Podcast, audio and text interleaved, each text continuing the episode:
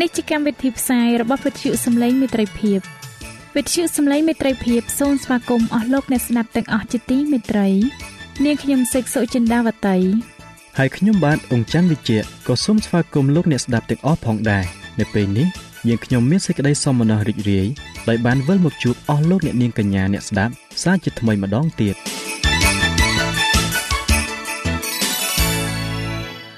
នាងខ្ញុំសេកសុចិន្តាវតី សូមជម្រាបជូនកម្មវិធីផ្សាយដែលមានជាបន្តបន្ទាប់ដូចតទៅនេតិបទទំនាយនិងប្រវត្តិសាស្ត្រនេតិស្ពានជីវិត ចា៎លោកអ្នកស្ដាប់ជាទីមេត្រី នាងខ្ញុំសូមគោរពអញ្ជើញអស់លោកលោកស្រី អ្នកនាងកញ្ញាតាមដានស្ដាប់កម្មវិធីផ្សាយរបស់វិទ្យុយើងខ្ញុំដូចតទៅ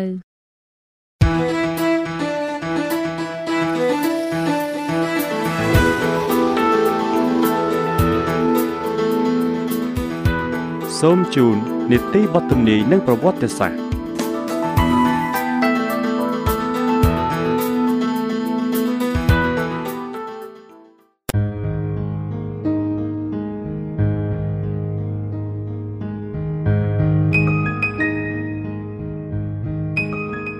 ខ្ញុំបាទសូមជម្រាបសួរដល់អស់លោកលោកស្រីនិងប្រិយមិត្តអ្នកស្ដាប់ជួបសម្លេងមេត្រីភាពជាទីមេត្រី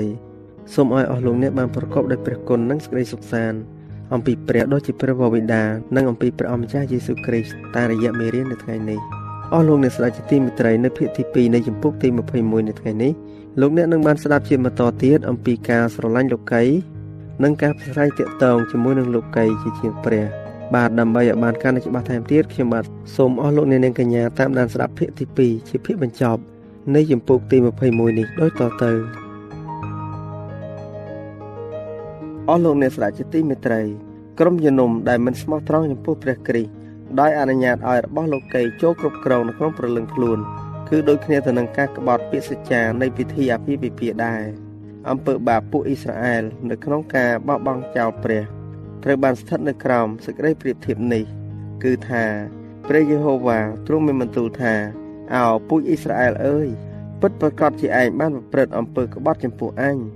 ប្រៀបដូចជាប្រពន្ធ ប្រព្រឹត្តក្បត់ចាក់ចោលប្តីខ្លួន ជាស្ត្រីដែលប្រព្រឹត្តសេចក្តីកំផិត ជាស្ត្រីដែលយកមនុស្សដតីមកជំនួសប្តីហើយព្រះគម្ពីរយេរេមៀចំពុកទី3ខ20ព្រះគម្ពីរអេសេគៀលចំពុកទី16ខ32លោកសាវកយ៉ាកុបបានសម្ដែងថាអោពួកកំផិតទាំងប្រុសទាំងស្រីអើយតើមិនដឹងទេអីថា ដែលស្រឡាញ់ដល់លោកីនោះគឺស្អប់ដល់ព្រះហើយដូច្នេះអ្នកណាដែលជាប់ចិត្ត ចង់ធ្វើជាមិត្តសម្លាញ់នឹងលោកីនោះឈ្មោះថាបានតាំងខ្លួន ជាខ្មាំងសត្រូវនឹងព្រះវិញព្រះគម្ពីរយ៉ាកុបចំពុកទី4ខ4ស្ត្រី ដែលជាតំណាងក្រុងបាប៊ីឡូនស្លៀកសម្លៀកបំពាក់ពណ៌ស្វាយហើយក្រហមក៏តែងដោយមាសត្បូងមានតម្លៃហើយនឹងកាយមុខក្តាព្រមទាំងកាន់ពេញមាសដែលពេញដោយសេចក្តីស្មោកគ្រោករបស់ការកំផិតដ៏គួរឲ្យខ្ពើមរបស់វាផង ហើយនៅលើថ្ងាសរបស់វា មានកត់ឈ្មោះថាសេចក្តីអាចកំបាំងក្រុងបាប៊ីឡូនដ៏ជាធំ ជាម្ដាយនៃពួកស្រីសំផឹងហោរាបានសម្ដែងថាខ្ញុំក៏ឃើញស្ត្រីនោះស្រវឹងនឹងឈាមពួកបរិសុទ្ធហើយនឹងឈាមពួកអ្នកធ្វើទីបន្ទាល់អំពីព្រះយេស៊ូវបាប៊ីឡូនគឺជាទីក្រុងដ៏ធំដែលមានអំណាចលើស្ដេចទាំងប៉ុន្មាននៅលើផែនដីព្រះគម្ពីរវិវរណៈចំពុកទី17ខ4រហូតដល់ខ6និងខ18អំណាចដែលមានឥទ្ធិពលលើពួកមហាក្សត្រ នៃពិភពគ្រីស្ទានជាច្រើនសតវត្សមកហើយនោះ គឺជាអំណាចរបស់រ៉ូមពណ៌ស្វាយក្រហម មាសត្បូងមានតម្លៃនិងកែមកក្តាពរនីអំពីភាពអធិកអធមនិងមុខតំណែងដ៏ក្រអឺតខ្ទមរបស់រ៉ូមគ្មានអំណាចណាដែលសមនឹងសេចក្តីដែលបានចែងថាស្រវឹងនឹងឈាមពួកបរិសុទ្ធដូចជាវិហារដែលបានធ្វើទុកទោសដ៏សែនខុសខើដល់ពួកអ្នកដែលជឿដល់ព្រះគ្រីស្ទឡើយទីក្រុងបាប៊ីឡូនទៅជាប់ចោតផងដែរ ដោយបានប្រស្រ័យតាក់ទងខុសច្បាប់ជាមួយនឹងពួកស្ដេចនៃផែនដីដោយការឃ្លាតចេញពីព្រះអម្ចាស់ហើយទៅចងសម្ព័ន្ធជាមួយពួកមិនជឿក្រុមជំនុំយូដាក៏បានคล้ายទៅជាសម្ផឹងម្នាក់ឯរ៉ូមវិញក៏នឹងទទួលការផ្ដន់ទាទោសដូចគ្នាដែរដោយការស្វែងរកកម្លាំងគ្រប់គ្រងពីអំណាចលោកីបាប៊ីឡូនជាម្ដាយនៃពួកស្រីសម្ផឹងកូនស្រីរបស់នាង គឺជាវិហារទាំងឡាយដែលតោងភ្ជាប់ទៅនឹងគោលលទ្ធិរបស់នាង ព្រមទាំងដើរតាមគំរូរបស់នាងក្នុងការលះបង់សេចក្តីពិតដើម្បីចងសម្ព័ន្ធមេត្រីជាមួយនឹងលោកី ព្រះរាជសារដែលបានប្រកាសថាបាប៊ីឡូនរលំហើយត្រូវតែសម្ដៅទៅលើទូអង្គសាសនាទាំងឡាយដែលពីដើមល្អស្អាតស្អំហើយคล้ายទៅជាពុករលួយព្រះរាជសារនេះត្រូវបានផ្សាយនៅថ្ងៃចុងក្រោយបំផុត ក្រោមការប្រមាននៃសេចក្តីជំនុំជម្រះម្ល៉េះហើយព្រះរាជសារនោះមិនអាចសម្ដៅទៅលើព្រះវិហាររ៉ូមតែម្នាក់ឯងទេ ព្រះវិហារនោះបានស្ថិតនៅក្នុងលក្ខណៈរលំដួលរាប់សិបសតវត្សមកហើយលើសពីនេះទៅទៀតបណ្ដាជននៃព្រះត្រូវបានហៅឲ្យចេញពីទីក្រុងបាប៊ីឡូនយោងទៅតាមបទព្រះគម្ពីរត្រង់នេះប្រជារាស្ត្ររបស់ព្រះជាច្រើន ច្បាស់ជានៅក្នុងទីក្រុងបាប៊ីឡូននៅឡើយតើនៅក្នុងទូអង្គនៃសាសនាណាខ្លះដែលមានអ្នកដើរតាមព្រះគ្រីស្ទច្រើនជាងគេ គឺនៅក្នុងព្រះវិហារទាំងឡាយដែលកាន់ជំនឿប្រូតេស្តង់ នៅគ្រាដែលព្រះវិហារទាំងនេះចេញមកឡើង ពួកគេបានឈរការពារយ៉ាងមាំទាំសម្រាប់សេចក្តីពិត ហើយព្រះពរនៃព្រះក៏បាននៅជាមួយនឹងពួកគេដែរប៉ុន្តែពួកគេបានធ្លាក់ចុះដោយសេចក្តីប៉ងប្រាថ្នាដូចគ្នាទៅនឹងការហិនវិនាសនៃពួកអ៊ីស្រាអែលដែរពលគឺដោយសារការយកតម្រាប់តាមការអនុវត្តនិងការចែកចង់ចង់មិត្តភាពជាមួយនឹងពួកឥតមានព្រះនៅក្នុងខ្លួនបាទអរលោកអ្នកស្ដាប់ជាទីមេត្រី ការរួបរวมប្រស្រ័យជាមួយនឹងលោកី បាទព្រះវិហារប្រូតស្តង់ជាច្រើន បានដើរតាមគំរូរបស់រ៉ូមក្នុងការចងជាមេត្រីជាមួយស្ដេចនៅលើផែនដីពលគឺព្រះវិហាររបស់រដ្ឋដោយមានទំនាក់ទំនងដល់រដ្ឋាភិបាលលោកីនិងជាមួយគណៈដទៃទៀតដោយស្វែងរកសន្តានចិត្តនៃលោកីពាក្យថាបាប៊ីឡូនច្របូកច្របល់អាចបានដល់ទូអង្គទាំងនេះ ដែលអះអាងថាបានដកគោលលទ្ធិរបស់ខ្លួនចេញពីព្រះគម្ពីរអ្នកធ្វើកាតូលិករ៉ូមម្នាក់បានជជែកថា ប្រសិនបើវិហាររ៉ូមមានកំហុសដោយការថ្វាយបង្គំរូបនៅក្នុងទំនាក់ទំនងទៅនឹងពួកសន្តបកុលកូនស្រីរបស់វិហារនេះ ដែលជាវិហារអង់គ្លេសក៏មានកំហុសដូចគ្នាដែរដែលមានវិហារ10ថ្វាយបង្គំចំពោះនាងម៉ារ៉ាហើយមានមួយដែលថ្វាយបង្គំព្រះគ្រីស្ទបណ្ឌិត Hopkins បានថ្លែងថាគុំថាឡាយព្រះវិហាររ៉ូមមានអេរយាប្រឆាំងនឹងគ្រីស្ទបរិស័ទនិងការអនុវត្តដែលប្រឆាំងគ្រីស្ទបរិស័ទព្រះវិហារប្រូស្តង់ក៏មានការប្រឆាំងនឹងគ្រីស្ទបរិស័ទច្រើនណាស់ទៅទៀត ហើយក៏នៅឆ្ងាយពីការកែតម្រង់ពេញលេញចេញពីអំពើពុករលួយ និងអំពើអាក្រក់ទៀតផង ស្ដីពីការបែកចេញនៃព្រះវិហារ Presbyterian ពីរ៉ូមវិញបណ្ឌិតស្គូរីបានសរសេរថា កាលពី3ឆ្នាំមុនព្រះវិហាររបស់យើង បានដើរក្បួនចេញពីខ្លោងទ្វាររបស់រ៉ូមដោយមានព្រះគម្ពីរបើកនៅលើទូសញ្ញា មានពាក្យថាចូលស្វែងរកបទគម្ពីរនៅលើក្រាំងទៀតផងបន្ទាប់មកក៏សួរសំណួរសំខាន់ថាតើពួកគេបានចាក់ចែងដោយជ្រះស្រឡះ ពីបាប៊ីឡូនឬទេលោកអ្នកស្ដេចជាទីមិត្តរីបាទការចាក់ចែងពីដំណឹងល្អជាលើកដំបូងតើព្រះវិហារបានចាក់ចែងពីភាគសាមញ្ញនៃដំណឹងល្អដោយរបៀបណាគឺដោយស្របទៅតាមពួកកាន់សាសនាដទៃដើម្បីឲ្យពួកមិនជឿទទួលជឿសាសនាគ្រីស្ទលុះដល់ចុងបញ្ចប់នៃសតវត្សទី2មានវិហារជាច្រើនបានប្រកាន់យកទម្រង់ថ្មី នៅពេលដែលពួកសិស្សចាស់បានចូលនិវត្តន៍ទៅកាន់ផ្លូវរបស់ខ្លួនអស់ទៅ ពួកកូនចៅរបស់គេរួមជាមួយនឹងពួកជឿថ្មីក៏បានចេញមកកែច្នៃបុព្វហេតុឲ្យបានជាថ្មី ពួកកាន់សាសនាដទៃក៏បានបាក់ចូលទៅក្នុងព្រះវិហារ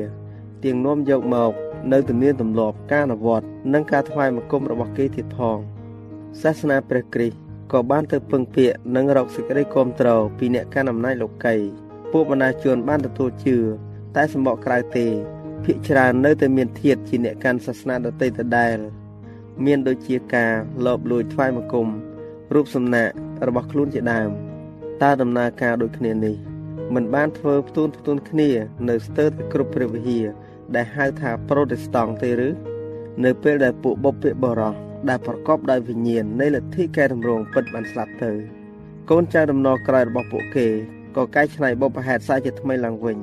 កូនចៅនៃពួកអ្នកកែតម្រង់បានចាក់ចេញពីគំរូនៃការលះបង់ខ្លួន និងការលះបង់លោកីដោយបដិសេធទៀងងងឹតងល់មិនទទួលនៅសេចក្តីពិតណាមួយ ដែលពួកបិតារបស់គេបានដឹងលោកជន់វេស្លីបានថ្លែងថាតើវិហារដ៏មានប្រជាប្រិយភាពបានឃ្លាតចេញ ពីទម្រង់ព្រះគម្ពីរដ៏សែនឆ្ងាយអ្វីម្លេះណោនិយាយអំពីរឿងប្រកាសវិញចូលកុំខ្ជិះខ្ជាយផ្នែកណាមួយនៃប្រកាសដ៏វិសេសវិសាលឲ្យសោះដោយមានសម្លៀកពាក់ដ៏ច្រើនហួសពីសេចក្តីត្រូវការឬមានតម្លៃថ្លៃថ្លៃ និងប្រេងម្សៅមិនចាំបាច់កុំអាចចំណាយទៅលើរបស់របរតាក់តែងផ្ទះហួសខ្នាត ទៅលើគ្រឿងសង្ហារឹមដ៏ថ្លៃហួសពីសេចក្តីត្រូវការឬថ្លៃថ្លៃទៅលើរូបភាពរូបគំនូរគ្រឿងស្រោបមាសដ៏ថ្លៃថ្លៃជាដើមដរាបណាអ្នកស្លៀកសម្លៀកបំពាក់សម្ពត់ពណ៌ស្វាយនិងសម្ពត់ឡែនស្អាតហើយនឹងគ្រឿងឆើតឆាយបំផុតឲ្យបានរាល់ថ្ងៃនោះមិនបាច់ឆ្ងល់ទេប្រកាសជា មានមនុស្សជាច្រើន សរសើររាប់អានដល់ភាពហឺហាសប្បុរសធម៌និងកិច្ចរាក់ទាក់ចៅរៅរបស់អ្នកជាមិនខានប៉ុន្តែ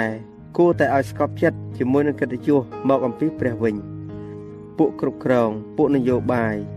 ពួកអ្នកច្បាប់ពួកបណ្ឌិត និងពួកអ្នកជំនួញបានចូលរួមជាមួយព្រះវិហារដើម្បីរកផលប្រយោជន៍លោកី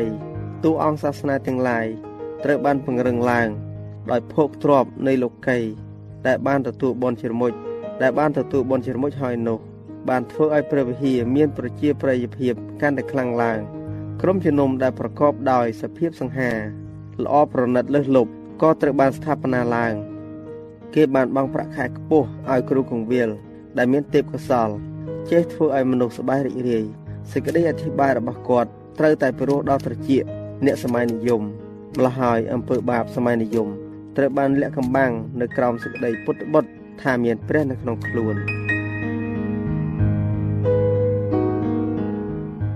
ចា៎ដោយពេលវេលាមានកំណត់យើងខ្ញុំសូមអនុទីបទទំនាយនិងប្រវត្តិសាស្ត្រត្រឹមតែប៉ុណ្ណឹងសិនចុះដោយសន្យាថានឹងលើកយកនីតិនេះមកជម្រាបជូនជាបន្តទៀតនៅថ្ងៃអង្គារសប្តាហ៍ក្រោយ សូមអរគុណ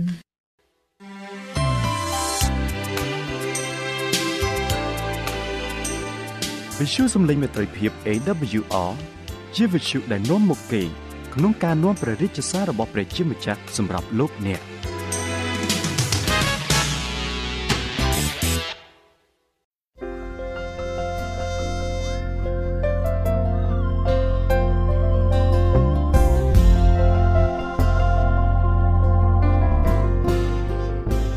ខ្ញុំបាទសូមជម្រាបសួរអស់លោកអ្នកស្ដាប់ជាទីមេត្រី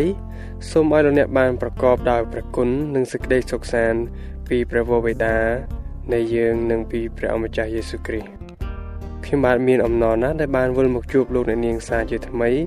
ក្នុងនេតិដែលមានចំណងជើងថាស្ពានជីវិតនេះសាជាថ្មីម្ដងទៀត បាទខ្ញុំបាទសូមរំលឹកបន្តិចថាកាលពីមេរៀនទី3លោកអ្នកបានស្ដាប់ពីការអាណិតអាសូរហើយនៅថ្ងៃនេះខ្ញុំបាទសូមលើកយកមេរៀនទី4ដែលមានចំណងជើងថាសេចក្តីស្រឡាញ់ដែលអាចទុកចិត្តបាន បាទតើសេចក្តីស្រឡាញ់ពិតប្រាកដជាអ្វីហើយសេចក្តីស្រឡាញ់ប្រភេទណាដែលធ្វើឲ្យលោកអ្នកអាចទុកចិត្តបាននោះដូច្នេះសូមលោកអ្នកតាមដានស្ដាប់មេរៀនទី4នេះជាមួយនឹងខ្ញុំបាទដូចតទៅ បាទកញ្ញាសុជាតិជាកូនអ្នកក្រីក្រម្នាក់រស់នៅជនបទមួយ ដែលត្រូវបានម្ដាយមីងយកមកផ្ចង់ផ្ដើមឲ្យរៀនសូត្រនៅទីក្រុងភ្នំពេញ នាងជាក្មេងឧស្សាហ៍ព្យាយាមណាស់ទាំងការងារផ្ទះនិងការងាររៀនសូត្រនាងរៀនបានពិន្ទុល្អរៀងរាល់ខែសុជាតិបានទទួលនៅការកោតសរសើរនិងស្រឡាញ់រាប់អានពីលោកគ្រូអ្នកគ្រូនិងមិត្តភ័ក្តិគ្រប់គ្រប់គ្នាស្រាប់តែថ្ងៃមួយមិត្តភ័ក្តិនាងស្អប់នាង និងនិយាយចាក់រុករោគរឿងនឹងនាងដោយការច្រណែននិន្ទាលោកគ្រូនាងក៏លែងចូលចិត្តនាងដូចមុនទៀតនាងចេញពីសាលាតម្រង់ទៅផ្ទះដោយគិតថា ទៅទទួលសេចក្តីស្រឡាញ់ថ្នាក់ថ្នមពីម្ដាយមីងតែមិនទាន់ទាំងដល់ផ្ទះស្រួលបួលផងម្ដាយមីងក៏ស្ដីបន្ទោសខ្លាំងខ្លាំងមករកនាងទៀតនាងគិតថាមានតែម្ដាយនាងទេដែលស្រឡាញ់នាង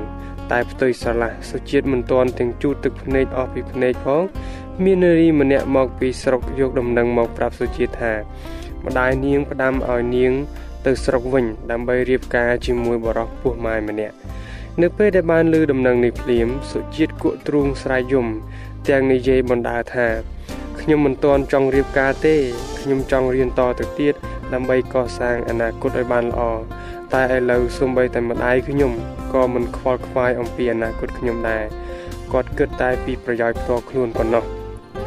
ជប់នោះនាងគេងនៅក្រៅផ្ទះដោយអស់សង្ឃឹម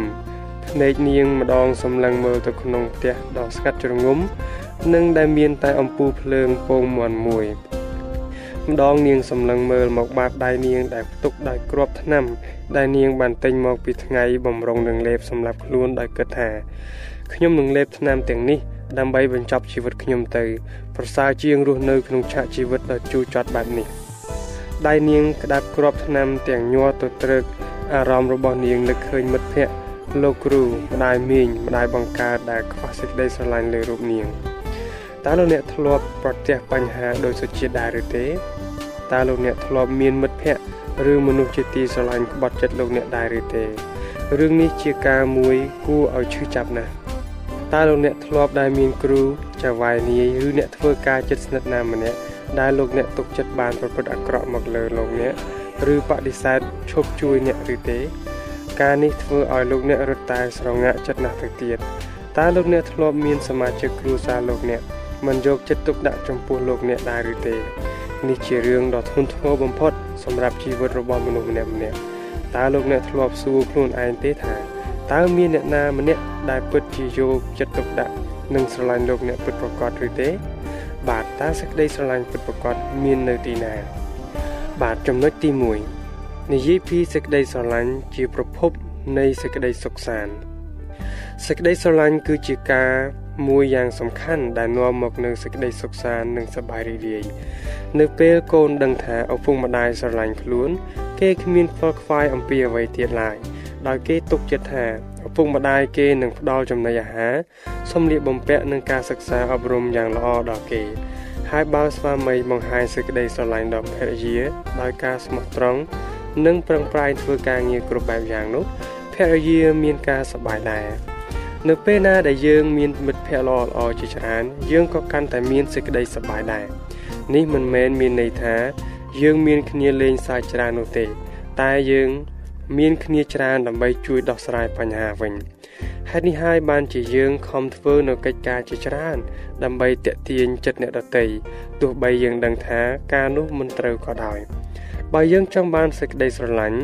ឬសេចក្តីមេត្តាពីអ្នកដទៃគឺត្រូវស្រឡាញ់គេជាមុនសិនទើបសេចក្តីស្រឡាញ់នោះវាត្រឡប់មករកយើងវិញចុះបើសេចក្តីស្រឡាញ់ឬសេចក្តីស្នេហា មានន័យនិងមានប្រយោជន៍ល្អយ៉ាងនេះ ហេតុអ្វីក៏មានពាក្យស្លោកមួយពោលថា ស្នេហាតែនាំមកនៅការជឿចាប់ទៅវិញ បាទខាងក្រោមនេះខ្ញុំបាទនឹងលើកយក ពីរឿងរ៉ាវស្នេហារវាងប្តីប្រពន្ធមួយគូ មកជម្រាបជូនវិញម្ដងថាតើស្នេហាមួយគូប្តីប្រពន្ធនេះ មានរឿងអ្វីកើតឡើងដែរបាទមានស្ត្រីម្នាក់បានស្រឡាញ់ប្តីគាត់ខ្លាំងណាស់តែបរិនោះបែរជាដោះដៃចោលនាងហើយទៅរកស្រីដតីទៀតទៅវិញ ធ្វើឲ្យបេះដូងនាងត្រូវខ្ទេចខ្ទាំក៏ព្រោះតែសេចក្តីស្នេហាដ៏ស្មោះស្ម័គ្ររបស់នាងចំពោះប្តីតើសេចក្តីស្នេហារបស់នាងបានផ្ដល់ដល់នាងនូវការជួយចាប់មែនឬទេចម្លើយគឺមិនមែនទេ តាមពិតសេចក្តីស្នេហាមិនមែននាំមកនូវការជួយចាប់ទេ គឺការខ្វះនូវសេចក្តីស្នេហាឬសេចក្តីស្រឡាញ់ដ៏ស្មោះត្រង់ទេតាដែលនាំឲ្យមានការជឿចាប់ការបែកបាក់យ៉ាងដូចនេះ ដូចជាសុជាតិនាងមានការជឿចាប់មិនមែនបណ្ដាលមកពីសេចក្តីស្រឡាញ់ទេ តែគឺដោយការខ្វះសេចក្តីស្រឡាញ់ពីម្ដាយពីម្ដាយមីងពីមិត្តរួមថ្នាក់ទៅវិញទេតាហើយសេចក្តីស្រឡាញ់ឬសេចក្តីស្នេហាដ៏ពិតប្រាកដពិតជានាំមកនូវសេចក្តីសុខសាន្តនិងសេចក្តីរីករាយប៉ុន្តែរឿងរ៉ាវដែលនៅជាបញ្ហានោះត្រង់ថាតើយើងនឹងរកសេចក្តីស្រឡាញ់ពិតប្រាកដនេះនៅឯណា ឬក៏ឃើញតែសេចក្តីស្រឡាញ់ដែល សាសានោះទេសេចក្តីស្រឡាញ់មានលក្ខណៈ3យ៉ាងគឺ បាទចំណុចកខ្ញុំស្រឡាញ់អ្នកប្រសិនបើចំណុចខខ្ញុំស្រឡាញ់អ្នកពីព្រោះតែនិងចំណុចកខ្ញុំស្រឡាញ់អ្នកទោះបីជា បាទចំណុចកមានន័យថាគេស្រឡាញ់តែអ្នកណាដែលគេគួរស្រឡាញ់ប៉ុណ្ណោះបាទឧទាហរណ៍ដូចជាប្តីស្រឡាញ់ប្រពន្ធនៅពេលដែលនាងមានសម្រស់ប៉ុណ្ណោះ គ្រូស្រឡាញ់តែសិស្សណាដែលរៀនពូកែឬមានចំណុចណាដែលខ្លួនពេញចិត្តឪពុកម្ដាយខ្លះស្រឡាញ់កូននេះខ្លាំងជាងកូននោះនេះគឺជាសេចក្តីស្រឡាញ់បែបប្រសិនបើដែលជាសេចក្តីស្រឡាញ់មានលក្ខខណ្ឌរីឯចំណុចខវិញគឺអ្នកខ្លះជួយដល់អ្នកដទៃដោយសារគេសម្លឹងឃើញអ្វីមួយពីអ្នកនោះ បានន័យថាគេចង់បានចំណេញអ្វីម្យ៉ាងអំពីសេចក្តីស្រឡាញ់របស់គេ ដែលគេសម្ដែងដល់អ្នកនោះ ដូចជាអ្នកក្រស្រឡាញ់កូនអ្នកមានព្រោះចង់បានសេចក្តីអាណិតមេត្តាអ្នកតូចស្រឡាញ់អ្នកធំព្រោះចង់បានការងារធ្វើឬគេឲ្យទានដល់អ្នកសុំទានព្រោះចង់បានមុខមាត់ឬបុណ្យកុសលផ្ទាល់ខ្លួនរបស់គេរហូតមានអ្នកខ្លះចិញ្ចឹមបីបាច់កូនដើម្បីចង់បានសុគន្ធពីកូនឬចង់ឲ្យកូនជួយចិញ្ចឹមវិញនៅពេលខ្លួនចាស់ទៅ ការនេះពុំមានអ្វីជារឿងខុសឆ្គងនោះទេ តែវាធ្វើឲ្យមនុស្សមិនសូវស្រឡាញ់ដល់អ្នកណា ដែលមិនអាចផ្ដល់ផលប្រយោជន៍ឲ្យខ្លួន ឬអ្នកដែលត្រូវការជំនួយពីខ្លួនវិញនេះជាប្រភេទសេចក្តីស្រឡាញ់ពីព្រោះតែ ហើយចំណុចគោលគឺអ្នកខ្លះមិនមែនស្រឡាញ់តែក្នុងរយៈពេលមួយយ៉ាងខ្លីប៉ុណ្ណោះទេដូចជាការណាមិត្តភ័ក្តិឬបងប្អូនណាដែលមិនស្មោះនឹងគេក៏គេនៅតែស្រឡាញ់ដដែលនេះជាសេចក្តីស្រឡាញ់ឥតលក្ខខណ្ឌទោះបីជា ឃើញថាមនុស្សម្នាក់មិនអាចបង្ហាញនៅសេចក្តីស្រឡាញ់នៅលើលោកីយ៍នេះបានយូរអង្វែងឡើយទង្វើរបស់គេនឹងត្រូវចប់នៅពេលដែលអ្នកនោះស្លាប់បាត់បង់ជីវិតទៅ តែឯសេចក្តីស្រឡាញ់របស់គេនឹងនៅជាដរាបហើយដោយសារអំពើបាបទើបធ្វើឲ្យមនុស្សម្នាក់ម្នាក់បាត់បង់សេចក្តីស្រឡាញ់របស់ខ្លួនបន្តិចម្ដងបន្តិចម្ដង រហូតស្ទើរតែអស់ទាំងស្រុងក៏មានដូច្នេះហើយទើបលោកីនេះពិតជានាំមកនៅការជឿចាប់មែនដោយសារតែការខ្វះសេចក្តីស្រឡាញ់ បាទតើសេចក្តីស្រឡាញ់ពិតប្រាកដជាអ្វីព្រះគម្ពីរកូរិនថូសទី1ជំពូកទី13ខ4ដល់ខ8បានចែងថាឯសេចក្តីស្រឡាញ់តែងតែអត់ធ្មត់ហើយក៏សប្បុរសសេចក្តីស្រឡាញ់មិនចេះឈ្នានេះមិនចេះអួតខ្លួនក៏មិនដែលមានចិត្តធំផងមិនដែលប្រព្រឹត្តបែបមិនគួរសមមិនដែលរកប្រយោជន៍ផ្ទាល់ខ្លួន មិនរហ័សខឹងមិនប្រកាន់ទោសមិនដែលអសប្បាយចំពោះសេចក្តីទុច្ចរិតឡើយគឺអសប្បាយតែនឹងសេចក្តីស្មោះត្រង់វិញ ក៏គ្របបាំងទាំងអស់ជឿទាំងអស់សង្ឃឹមទាំងអស់ហើយទ្រាំទ្រទាំងអស់រីឯការអធិប្បាយនោះនឹងត្រូវបាត់ទៅ ការនិយាយភាសាដតីនឹងត្រូវឈប់ហើយចំណេះក៏ត្រូវសាបសូន្យទៅដែរតែឯសេចក្តីស្រឡាញ់មិនដែលផុតឡើយតើសេចក្តីស្រឡាញ់បែបនេះមិនមែនជាសេចក្តីស្រឡាញ់ដែលលោកអ្នកចង់បានទេឬអីបាទចំណុចទី2និយាយពីសេចក្តីស្រឡាញ់ដ៏ពិតប្រាកដមួយប្រសិនបើលោកីនេះ ពុំមានសេចក្តីស្រឡាញ់ដែលអាចនាំមកនូវសេចក្តីសុខសាន្តនិងសេចក្តីសប្បាយទៅដល់អនាគតដល់យើងបានទេនោះតើយើងទៅរកនៅឯណាវិញរឿងរ៉ាវអំពីព្រះដែលយើងបានរៀនរួចមកហើយនោះ បានអះអាងថាព្រះមានសេចក្តីស្រឡាញ់ដ៏ធំធេងមួយសម្រាប់យើងយើងក៏បានដឹងថាព្រះបានបង្កើតបរិសនិងស្ត្រីដំបូងគឺលោកអាដាមនិងនាងអេវ៉ាហើយដោយយើងទាំងអស់គ្នាជាកូនចៅរបស់អាដាមនិងនាងអេវ៉ានោះ ទើបព្រះទ្រង់យកព្រះハតីទុកដាក់និងស្រឡាញ់យើងជាកូនទ្រង់ទាល់ដោយសារតែទ្រង់ជាព្រះដែលពោពេញដោយអំណាចព្រះចេស្តានោះធ្វើឲ្យយើងដឹងថាទ្រង់មិនបានត្រូវការអ្វីពីយើងវិញនោះឡើយបានសេចក្តីថាទ្រង់ស្រឡាញ់យើងមិនមែនដោយទ្រង់ចង់បានអ្វីពីយើងដោយឪពុកម្ដាយបងប្អូនឬមិត្តភ័ក្តិយើងខ្លះនោះទេ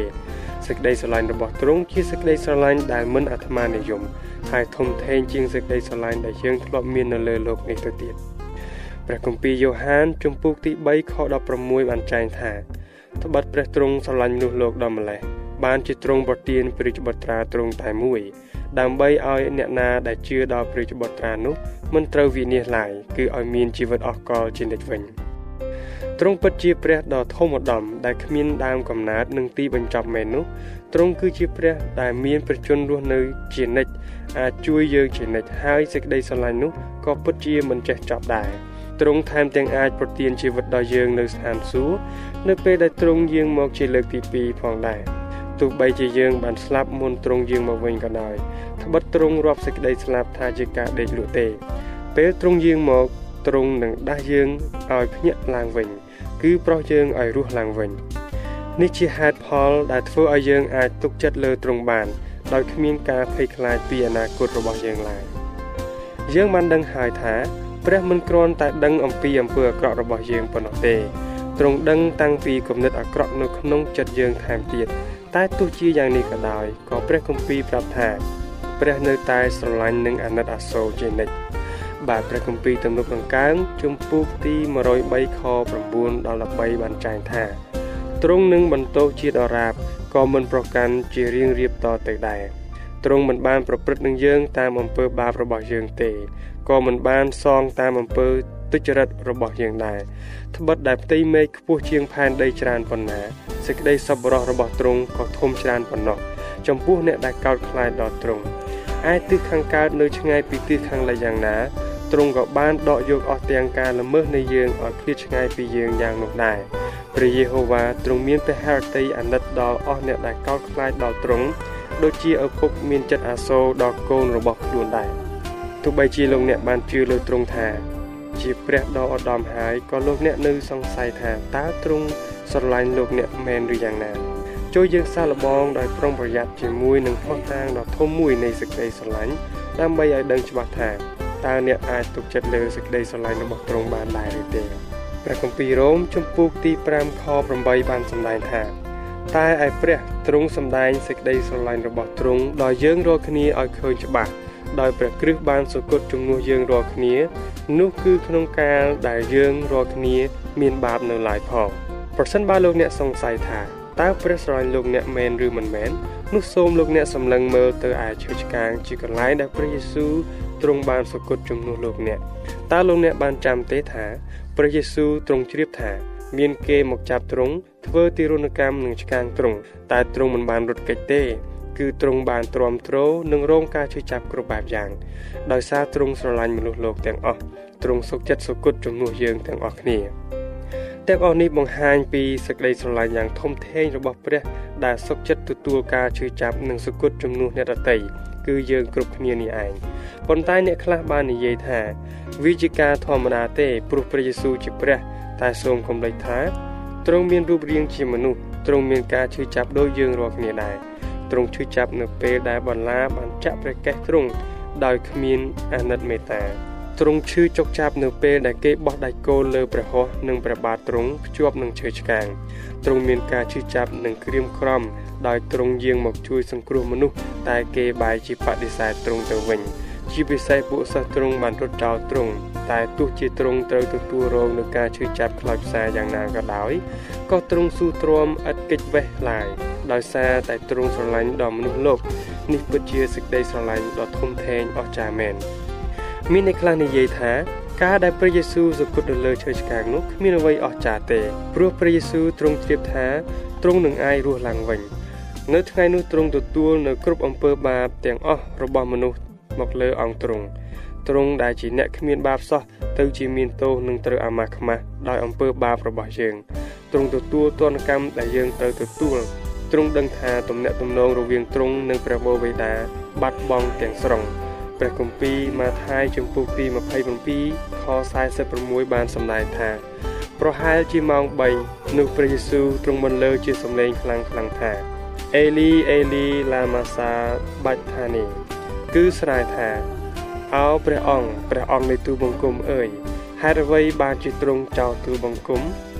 ចំណុចត្រង់នេះហើយដែលជាការលបួងយ៉ាងធំរបស់សាតាំងមកលើព្រះយេស៊ូវដោយនិយាយខ្សឹបខ្សឹបទៅកាន់ព្រះយេស៊ូវថាអំពើបាបដែលអ្នកកំពុងទទួលជំនួសមនុស្សនេះជាអំពើបាបដ៏ធ្ងន់ធ្ងរដែលប្រវោបិតាអ្នកស្អប់ខ្ពើមខ្លាំងណាស់ដែលធ្វើឲ្យអ្នកត្រូវស្លាប់រហូតមិនរស់វិញឡើយសូមលោកអ្នកសេចក្ដីគិតមើល ថាតើព្រះយេស៊ូវមានអំណាចរំដោះខ្លួនពីឈើឆ្កាងបានដែរឬទេប៉ុន្តែទោះជាទ្រង់គិតថាទ្រង់នឹងមិនរស់វិញក៏ដោយក៏ទ្រង់នៅតែសម្រេចប្រតិសុគតនៅលើឈើឆ្កាងព្រោះតែបាបយើងនឹងដើម្បីសង្គ្រោះយើងទាំងអស់គ្នាដែរទ្រង់ស្រឡាញ់យើងខ្លាំងណាស់តើមានសេចក្តីស្រឡាញ់ណាដែលអាចប្រៀបផ្ទឹមនឹងសេចក្តីស្រឡាញ់របស់ព្រះយេស៊ូវបានឬទេ